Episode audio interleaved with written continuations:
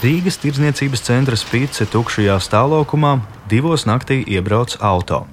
No tā izkāpja vīrietis un dodas uz lielām stiklotām ieejas durvīm.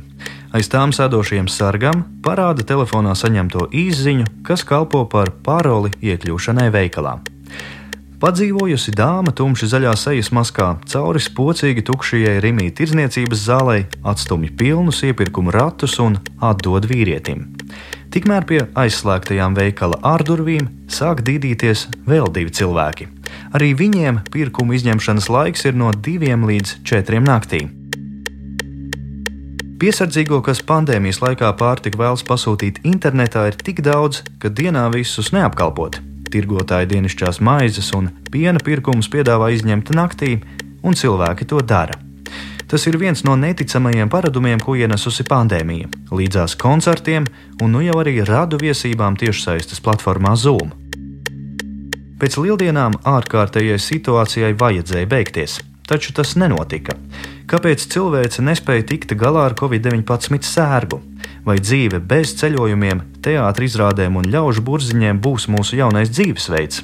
Par to nākamajā pusstundā raidījumā atvērtie faili. Pirmā daļa - vīrusa atnākšana. Latvijā ir apstiprināts pirmais inficēšanās gadījums ar covid-19 vīrusu. Latvijas iedzīvotāji bijusi Itālijā un caur Mīnheni atgriezusies Rīgā. Un ziņas sākam ar karstāko šīs dienas ziņu. Latvijā atklāts pirmais inficētais cilvēks ar koronavīrusu izraisīto covid-19 slimību. Bīstamais koronavīrus sasniedzis arī Latviju. Valdība pret pasākumiem novirza vairāk nekā 2,5 miljonus eiro. Ir pirmdienas, 2. marta vakars. Ziņu raidījumu svarīgākā vēsts ir, ka Latvijā atklāta pirmā covid-19 paciente. Tā ir sieviete, kura ar ģimeni atgriezusies no Itālijas ziemeļiem, reģiona, kuru veselības ministrija ir aicinājusi neapmeklēt, jo tajā jau notiek cīņa ar koronavīrusu izraisīto epidēmiju. Ziniet, bija tāds uztraukums, es domāju, nu tagad būs nu, panika, stress. Nē, viss absolūti normāli uztvara. Pēc tam, kad mēs braucam mašīnā, viņa jautā, ah, tas Delfos par mani raksta? Es saku, jā, par jums es esmu pirmā. Iespējamā bija. Tā savu pirmo sastapšanos ar covid-19 slimnieci atceras ātrās palīdzības ārsta palīgs Genādijs Rusanovs. Sievieti ievieto infektuoloģijas centrā, bet epidemiologi cenšas sadzīt pēdas cilvēkiem, kuri kopā ar viņu bija lidmašīnā. Viņiem 14 dienas jāpaliek mājās. Pēc nedēļas infekciju uz Latviju atveda grupiņa slēpotāju, kuri Itālijā pabijuši Červīnijas slēpošanas kurortā. Dienā, kad saslimst pirmais no viņiem, visā Ziemeļitālijā izsludina karantīnu. Vēl pēc pāris dienām Pasaules veselības organizācija paziņo, ka jaunā koronavīrusa uzliesmojums sasniedzis globālas pandēmijas līmeni. Pasaulē saslimuši vairāk nekā 100 tūkstoši cilvēku un vairāk nekā 4000 miruši. Paziņoja, ka organizācija nepārtraukti novērtē šo uzliesmojumu un pauda satraukumu gan par lielo slimības izplatības un smaguma līmeni, gan arī par satraucošo bezdarbības līmeni. Tomēr aicinājumus neceļot un jo īpaši nebraukt uz vīrusu skartajām valstīm daudzi vēl neņem galvā un piedāvām dusmojas par varas iestāžu mēģinājumiem pārtraukt brīvdienu plānus. Bet maisam gals jau ir vaļā. Nākamo nedēļu laikā Latvijā iebrauc tūkstošiem cilvēku no valstīm, kur vīruss jau ir plaši izplatījies. Kaut viņiem likts palikt mājās, ne visi to dara.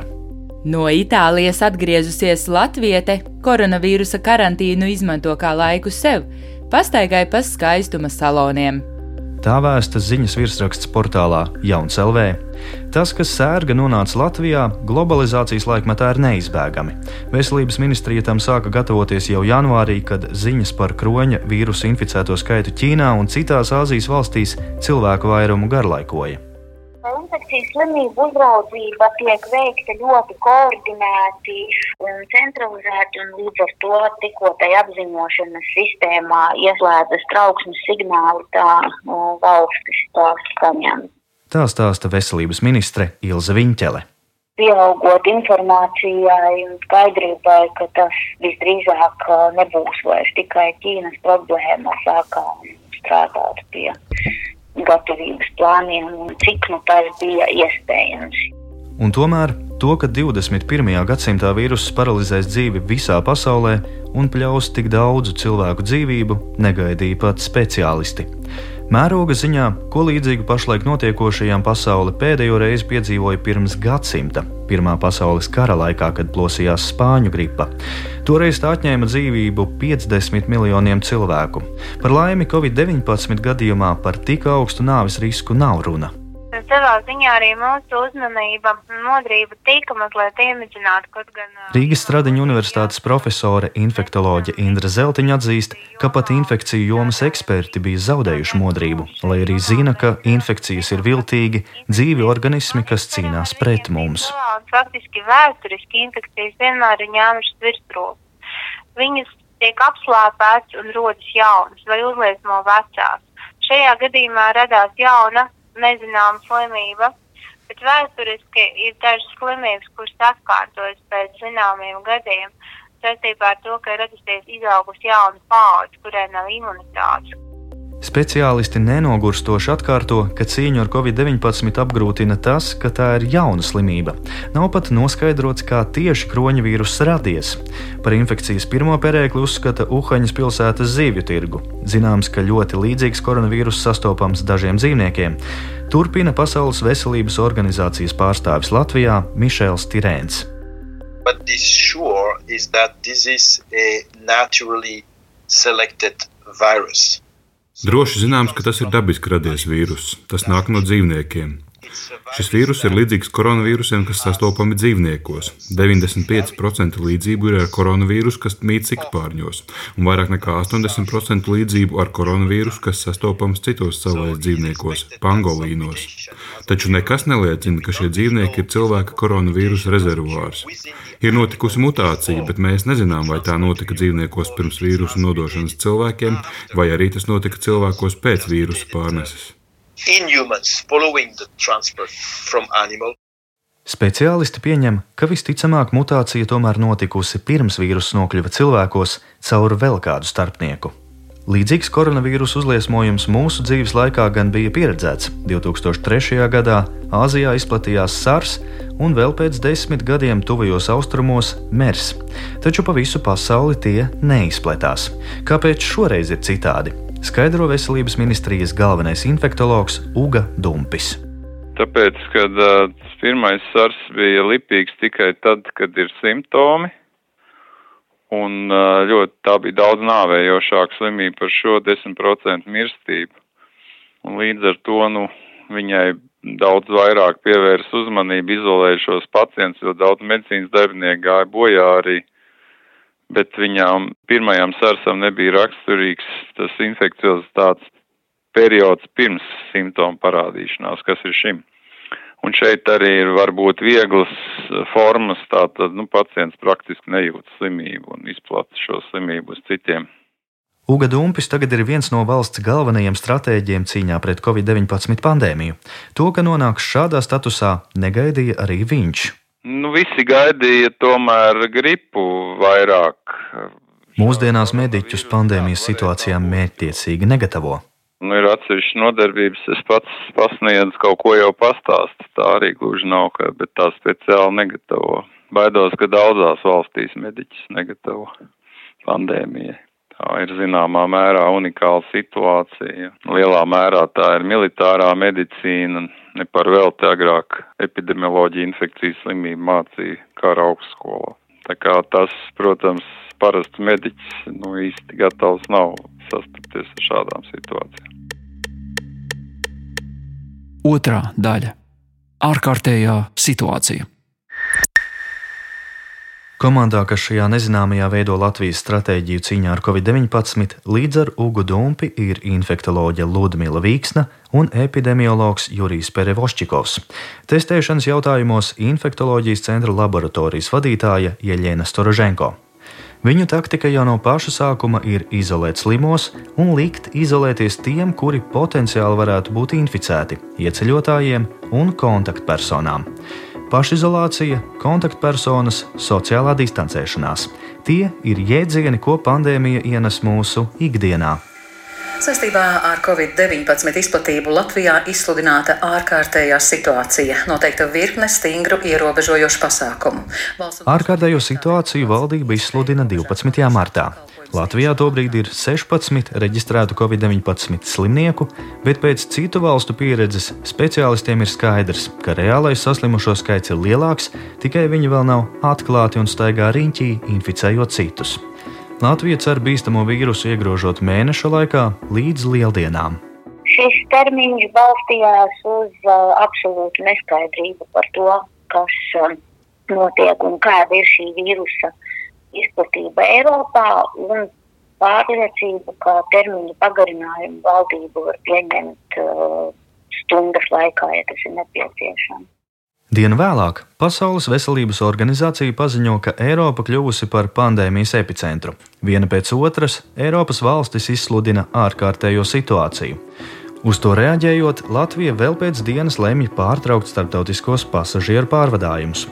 Lai arī ārvalstu pētnieki publikācijās jau secinājuši, ka satiksmes slēgšana tikai par dažām dienām aizkavē vīrusu izplatīšanos, un tik vienkāršas lietas kā roku mazgāšana un distancēšanās ir daudz efektīvāks vīrusa iegrožošanas veids, Viņķele saka, valdība pasažieru pārvadājumus apturēja, jo citas Eiropas valstis nekoordinēti slēdza robežas. Nav tāda recepšu grāmata, kurā var ieskatīties un pateikt, ka šis ir tas uh, optimālais uh, vīrusu apkarošanas uh, priekšraksts. Lūdzu, vienkārši kopijas ieviesiet. Itālija jau piedzīvo katastrofu. Slimnīcas vairs nespēja tikt galā ar tik lielu pacientu plūsmu, un ārstiem nākas izvēlēties, kurus pieslēgt pie plaušu ventilatora un kuriem ļaut nomirt.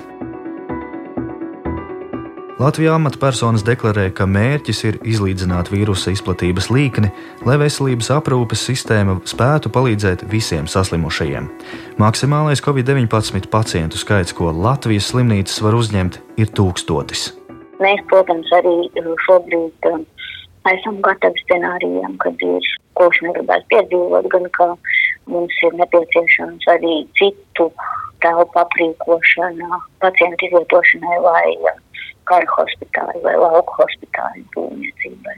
Ar to mums ir vienošanās ar aizsardzību ministriju. Viņi gatavi to darīt, ja būs tāda nepieciešamība. Dažās valstīs, kā Lielbritānijā un Nīderlandē, vēl kādu laiku turpinās ierastā dzīve, un tajās runā par plāniem ar sērgu tikt galā, ļaujot jaunajiem un stiprajiem to izslimot un iegūstot pūļa imunitāti. Vēlāk gan arī šīs valstis ierobežo pulcēšanos. Latvijā lēmumu pieņēmējiem doma par pūļa imunitāti nav bijusi nemirkli. Dažas balsis valdībā aicinājusi pretējo - pilnīgu karantīnu. Mēs Latvijā balstāmies uz pierādījumiem balstītas medicīnas, un pierādījumi bija tādi, ka šīs stratēģijas, tātad ierobežošanas un apturēšanas, tātad stratēģijas strādā. Tātad bija piemēri no Āzijas valstīm. Citu piemēru mums nebija par poļu imunitāti. Tātad tas jāprasa tiem te, to teoriju piekritējiem, kāpēc viņi izvēlējies šādu stratēģiju. Cilvēku pūļi veikalos un pierīgas atpūtas vietās valdībai liek vēl pāris reizes pastiprināt ārkārtējos pasākumus. Slēdz tirzniecības centrus brīvdienās, ar likumu liek ievērot vienam no otra divu metru distanci un neļauj kopā atrasties vairāk par diviem cilvēkiem.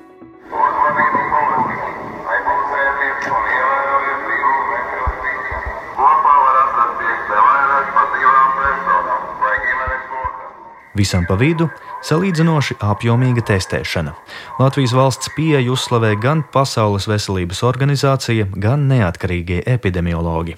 Latvijas Universitātes asociētā profesore epidemioloģija Lilijāna Civjāne vienīgi piebilst, ka cilvēkiem informāciju par to, kā vīrus izplatās, vajadzētu pasniegt saprotamākā veidā, piemēram, ar animācijas palīdzību un vairākās valodās. Viņa arī rīkotos vēl stingrāk noteikti aiztaisītu lielveikalus tādus kā mols, ja, tas, kur cilvēki joprojām var staigāt, nevis iepirkties e, pārtiku, bet staigāt vienkārši tāpat pastaigāties. Tas ir pirmais, un otrais kafejnīcas es taisītu ciet, protams, jo es biju jūrmala un redzēju, cik cilvēki sēž kafejnīcās protams, neievarot nekādu distanci, var runāt ar cilvēkiem, var nerunāt. Cilvēks to vīrusu neredz. Un, kad viņš viņu neredz, tāpat kā radiāciju, tos, ko mēs neredzam, to mēs arī nedomājam, ka viņš eksistē. Tas ir ļoti loģiski. Un vienkārši pateikt cilvēkiem, sēžiet attālināti viens no otra, tas nelīdzēs. Tātad ir jāpieņem kaut kādu stingru lēmumu. Es taisītu cietu kafejnīcas. Tāpat kā frizētavas.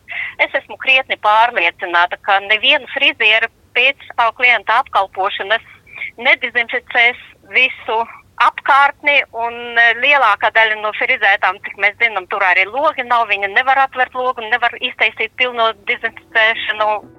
Pirms lieldienām situācija Latvijā uz kopējā fona ir laba. Inficēto pīķa nav bijis, pacientu skaits aug lēzeni. Statistika uzrāda ap 600 saslimušo, 3 mirušie. Tas ir otrs mazākais skaitlis Eiropas Savienībā. Cilvēki jo īpaši reģionos gan sūdzas par vēlīniem testiem un nespēju saņemt ārstēšanu. Daudz saslimušo ir tur, kur to vajag vismazāk - veselības aprūpes iestāžu darbinieku vidū. Mediķiem trūkst individuālo aizsardzības līdzekļu. Tomēr Latvijā nav nācies piedzīvot tik dramatiskas ainas kā Itālijā vai Spānijā, kur no infekcijas pārņemta pansionāta aizbēg darbinieki, gultās atstājot mirušus cilvēkus, un galvaspilsētas ledus halli pārveido par pagaidu morgu. Taču dzīve joprojām ir kā uz pulvera mucas, un pandēmijas risinājuma nav pat tuvumā. Nedēļu pirms sākotnēji izsludinātajām ārkārtējās situācijas beigām valdība to pagarina vēl par mēnesi, tagad līdz 12. maijam. Taču kas kļūs labāk nākamā mēneša laikā? Inficēto skaits pasaulē neapšaubāmi būs vēl lielāks. Dažādi zinātnes institūti un valdības modelē scenārijus, kādos gadījumos cik būs upuru. Piemēram, ASV pētnieki Latvijā epidēmijas augstāko punktu prognozē aprīļa beigās, bet upuru skaitu amplitūdā no 26 līdz 301. Labākie un sliktākie scenāriji ir izstrādāti arī Latvijā, bet tos nepublisko. Netic, ka sabiedrību tie nomierinātu. Turklāt tie ir matemātiski aprēķini, kas realitātē līdz šim nesot piepildījušies. Modeļi ir vajadzīgi, lai mobilizētu spēkus un apzinātu resursus. Bet neviens modelis, nu es nezinu, vai ir kāda valsts, kur kaut kādi modeļi ir nostrādājuši, izņemot Ķīnu. Viņi pateica, ka aprīlī viss būs kārtībā. Un tā viņiem arī tā izskatās lielā mērā ar mazām problēmām. Visticamāk, ar Covid-19 mums nāksies sadzīvot vēl ilgi, bet kā? Trešā daļa - tehnoloģijas izsekošanai. Mani sauc Liena Jakovļeva, un es Korejā esmu jau dzīvoju jau trīs gadus. Dienvidkoreja ar covid-19 cīnās ilgāk nekā Latvijā un ir viens no veiksmes piemēriem, no kura mācās arī mūsu valsts. Taču Dienvidkorejai pandēmijas laikā ir izdevies palikt salīdzinoši atvērtākai. Kā ar sērgu tiek galā korejieši? Par to aprunājāmies ar latviešu studenti Lienu Jakovļevu, kas Dienvidkorejā studē ekonomiku un globālo stratēģiju. Korejā robežas nav slēgtas. Viņi veido vairākus pasākumus, kā ar to visu tik galā. Piemēram, es zinu, ka tagad cilvēki, kas ielido Korejā, neatkarīgi no kuras valsts, pirmais viņiem ir jāieraksta turpat uz vietas anketa, tad viņiem ir vajadzīgs iziet visu to termoskeneri, lai redzētu viņu temperatūru. Un viņiem arī ir piespiests nolādēt aplikāciju, kad viņi tiek aizvesti atpakaļ uz vietu, kur viņi paliek. Viņiem nedrīkst iziet no mājas ārā 14 dienas, un to visu dienu laikā viņiem tajā aplikācijā ik pēc divām stundām ir jāieraksta, kā viņi jūtās, kāda viņiem temperatūra jānomēro, un tad automātiski, ja kādam temperatūra ir augstāka, tad tajā visā tajā sistēmā viņi automātiski redz, un tad viņi ar to personu sazinās, un tad aiziet un pārbauda. Caur termoskeneri nācies iziet arī Lienai, kad viņa izmantojusi starppilsētu autobusu. Tomēr cilvēku, kas ceļo, ir maz. Liena sociālajos tīklos redzējusi ierakstus, kur cilvēki stāsta, ka biļeti uz kādu reisu nopirkuši tikai tāpēc, ka neviens cits tajā nelidoja. Korejieši masveidā nesās sejas maskas, kuras pie mums uzskata par neefektīvām. Gaisa piesārņojuma dēļ tās gan bija izplatītas arī pirms tam. Pandēmijas laikā maskas kļuva par deficītu un dārgu preci, kuru aizliegts eksportēt. Valdība pat izveidoja īpašu sistēmu. Cilvēki reiz nedēļā tās var nopirkt, Atkarībā no dzimšanas gada, kādā nedēļas dienā katrs var doties uz specializētām aptiekām, taču arī tad jāstāv garā rindā ja, piemēram, kāds nestaigā ar masku, piemēram, ja brauc metro vai vienkārši ārā staigā pa parku, ja nav maska, cilvēki uzreiz uz viņu uzreiz uzbļaus. Un viņiem vienmēr tiks pārmests, kāpēc tev nav maska. Man bija ļoti daudzi paziņas, kas arī no Eiropas, un viņas no sākuma maskas nenēsāja, bet viņiem, viņas teica, es nesāju tikai tāpēc, ka uz mani bļauj. Lai izsargātos no saslimšanas, korejieši izmanto arī digitālu rīku - vietālu lietotni, kas rāda, kur bijuši saslimušie. Tā aplikācija izskatās tā, ir Korejas karte un ir rimbulīši, riņķīši ar ciparu. Piemēram, Seulā tagad ir kaut kur 300. Un, ja tu palielini to karti tajā vietā, tad tu redzi visas vietas, kurās ir bijis cilvēks, kas ir saslims ar datumu, Piemēram, ja uh, riņķītis ir zaļš, tas nozīmē, ka tas cilvēks šajā restorānā, vai šajā vietā, vai šajā aptiekā ir bijis 4 līdz 9 dienas atpakaļ. Ja viņš ir uh, dzeltens, tad tas nozīmē, ka tas cilvēks tur ir bijis no 1 līdz 4 dienām. Un, ja viņš ir sarkans, tad tas nozīmē, ka šis cilvēks ir tajā vietā bijis pēdējo 24 stundu laikā. Man un maniem draugiem bija ļoti vienkārši. Mēs šajā aplikācijā vienmēr sakojām līdzi, tāpēc tur vienmēr bija rakstīts, kas un kur. Man šeit pat arī ap māju bija tur Starbucksā bija kāds, tad tur bija tāds kosmētikas veikaliņš kā drogas tipa. Tur arī bija. Un katru reizi, kad mēs gājām, mēs vienmēr gājām tām vietām ar līkumu. Un kad tās vietas tiek dezinficētas, tad tur ir uzlikts liels plakāts, kas rakstīts, ka šī vieta ir droša. Lietotne nepatīk mazajiem uzņēmumiem, jo aizbiedē klientus un apdraud viņu iztiku. Diskusijas par aplikācijas ētiskajiem aspektiem bijušas, tomēr tā pastāv. Vienmēr arī internacionālajās attiecībās ir bijusi tā dilemma, kā cilvēktiesības uztver rietumu pasaulē un austrumu pasaulē. Mums rietumos ir vairāk tas individualistiskais. Bet uh, Āzijā un Korejā ir ļoti, ļoti izteikts tas rūpe par sabiedrību kā vienu veselu. Un tāpēc arī šeit ir tā lieta, ka viņiem Korejā daudz svarīgāks ir par viena indivīda privātajām tiesībām, daudz svarīgāks ir pašas sabiedrības drošība kā kopums. Lietotnes pandēmijas kontrolē top arī Latvijā. Tās gan tiek pārņemtas nevis no Dienvidkorejas, bet Singapūras un mazliet atšķiras. Vienu aplikāciju izstrādā valsts pārvalde, un tā būs domāta karantīnas kontrolē, lai pārliecinātos, ka cilvēki to ievēro, uz viņu tālruni tiks nosūtīta saite, kuru noklikšķinot, varēs pārbaudīt atrašanās vietu. Otru aplikāciju izstrādā vairāki tehnoloģiju uzņēmumi, un tā ļaus noteikt, vai esi bijis Covid-19 slimnieka tuvumā. Atšķirībā no Dienvidkorejas, tajā nebūs kartes, tiks izmantota Bluetooth funkcija, kas signalizēs, vai esi bijis divu metru tuvumā inficētajam. Uzņēmēji cer, ka aplikācijas palīdzēs ātrāk atgriezties ikdienas dzīvē. Kad vietāluņu lietotnes varēs lietot, pašlaik skaidrības nav. Ceturtā daļa - jaunais normālais.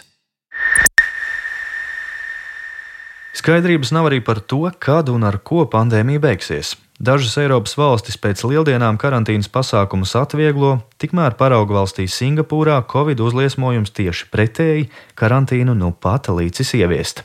Turpina Pasaules veselības organizācijas pārstāvis Latvijā Mišels Tirēns. Of course, crisis always pass.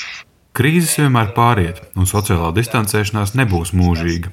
Taču mēs esam pārliecināti, ka šobrīd sociālās distancēšanās pasākumi vēl ir absolūti nepieciešami. Politikas veidotājiem gan jau ir jāsāk skatīties, ko būtu zinātniski pareizi darīt tuvākajā laikā, kā organizēt stratēģijas izējai no krīzes. Latvijas universitāšu mācību spēku viedokļi par nākotni atšķiras. Es domāju, ka mums jārēķinās, ka mums būs jādzīvot tā diezgan ilgstoši. Un, ja būs pārsteigums, tad mēs būsim pozitīvi pārsteigti, tas vienmēr ir labi. Tā saka epidemioloģija Lilijāna Civjāne. Daudzas zinātnieku komandas pasaulē, arī Latvijā, strādā pie vakcīnas izstrādes. Optimistiskākais termiņš vakcīnas izstrādē ir gads, un tas jau būtu neparasti ātri. Civjāne gan vērš uzmanību tam, ka pašlaik nav pat skaidrs, vai vakcīna būs iespējama. Ir informācija literatūrā, ka antivielas, kuras veidojas cilvēkam pēc saslimšanas, ir ļoti maz. Apmēram tā, ka normālā saaugstēšanā. Ja mums ir ļoti maz antivielas, mēs varam saaugstēties, mēs varam kaut kādu gripu saņemt vēlreiz. Ja tā situācija ir tāda, vakcīnu mēs izveidot nevarēsim droši vien. Un tad mums jādomā par zālēm. Zāles atkal, nu, tas aizņem laiku, kamēr viņas ir izdarītas, un pat īpaša situācija, kamēr ir pierādītas un reģistrētas. Tātad, cik ilgi tas būs, prognozēt nevar.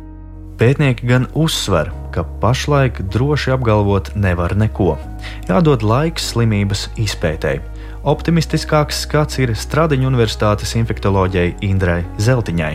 Bet, nu, mans skatījums ir tāds, ka paies zināms mēnešu skaits, bet tie nebūs gadi, tie būs mēneši, kur laikā visa pasaule būs satikusi vīrusu. Vismaz tie 70% iedzīvotāji dažādās valstīs un kontinentos izveidosies šī noturīgā imunitāte, un uh, mēs nekad vairs ar šo vīrusu neslimosim.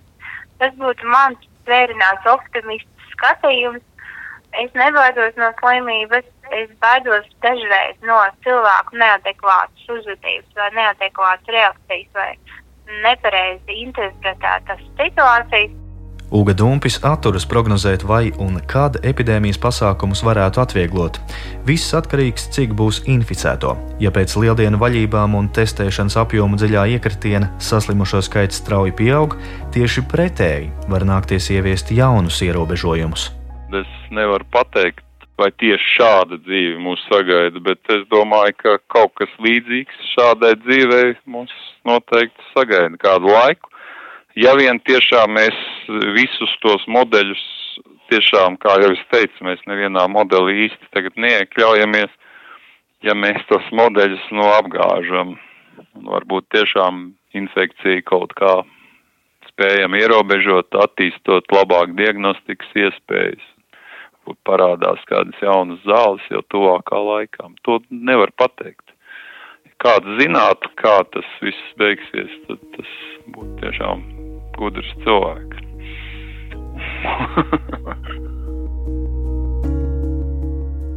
Raidījumu veidoja Anita Brauna, Baiva Runce, Reinis Budze un Matīs Budovskis. Atvērtie faili!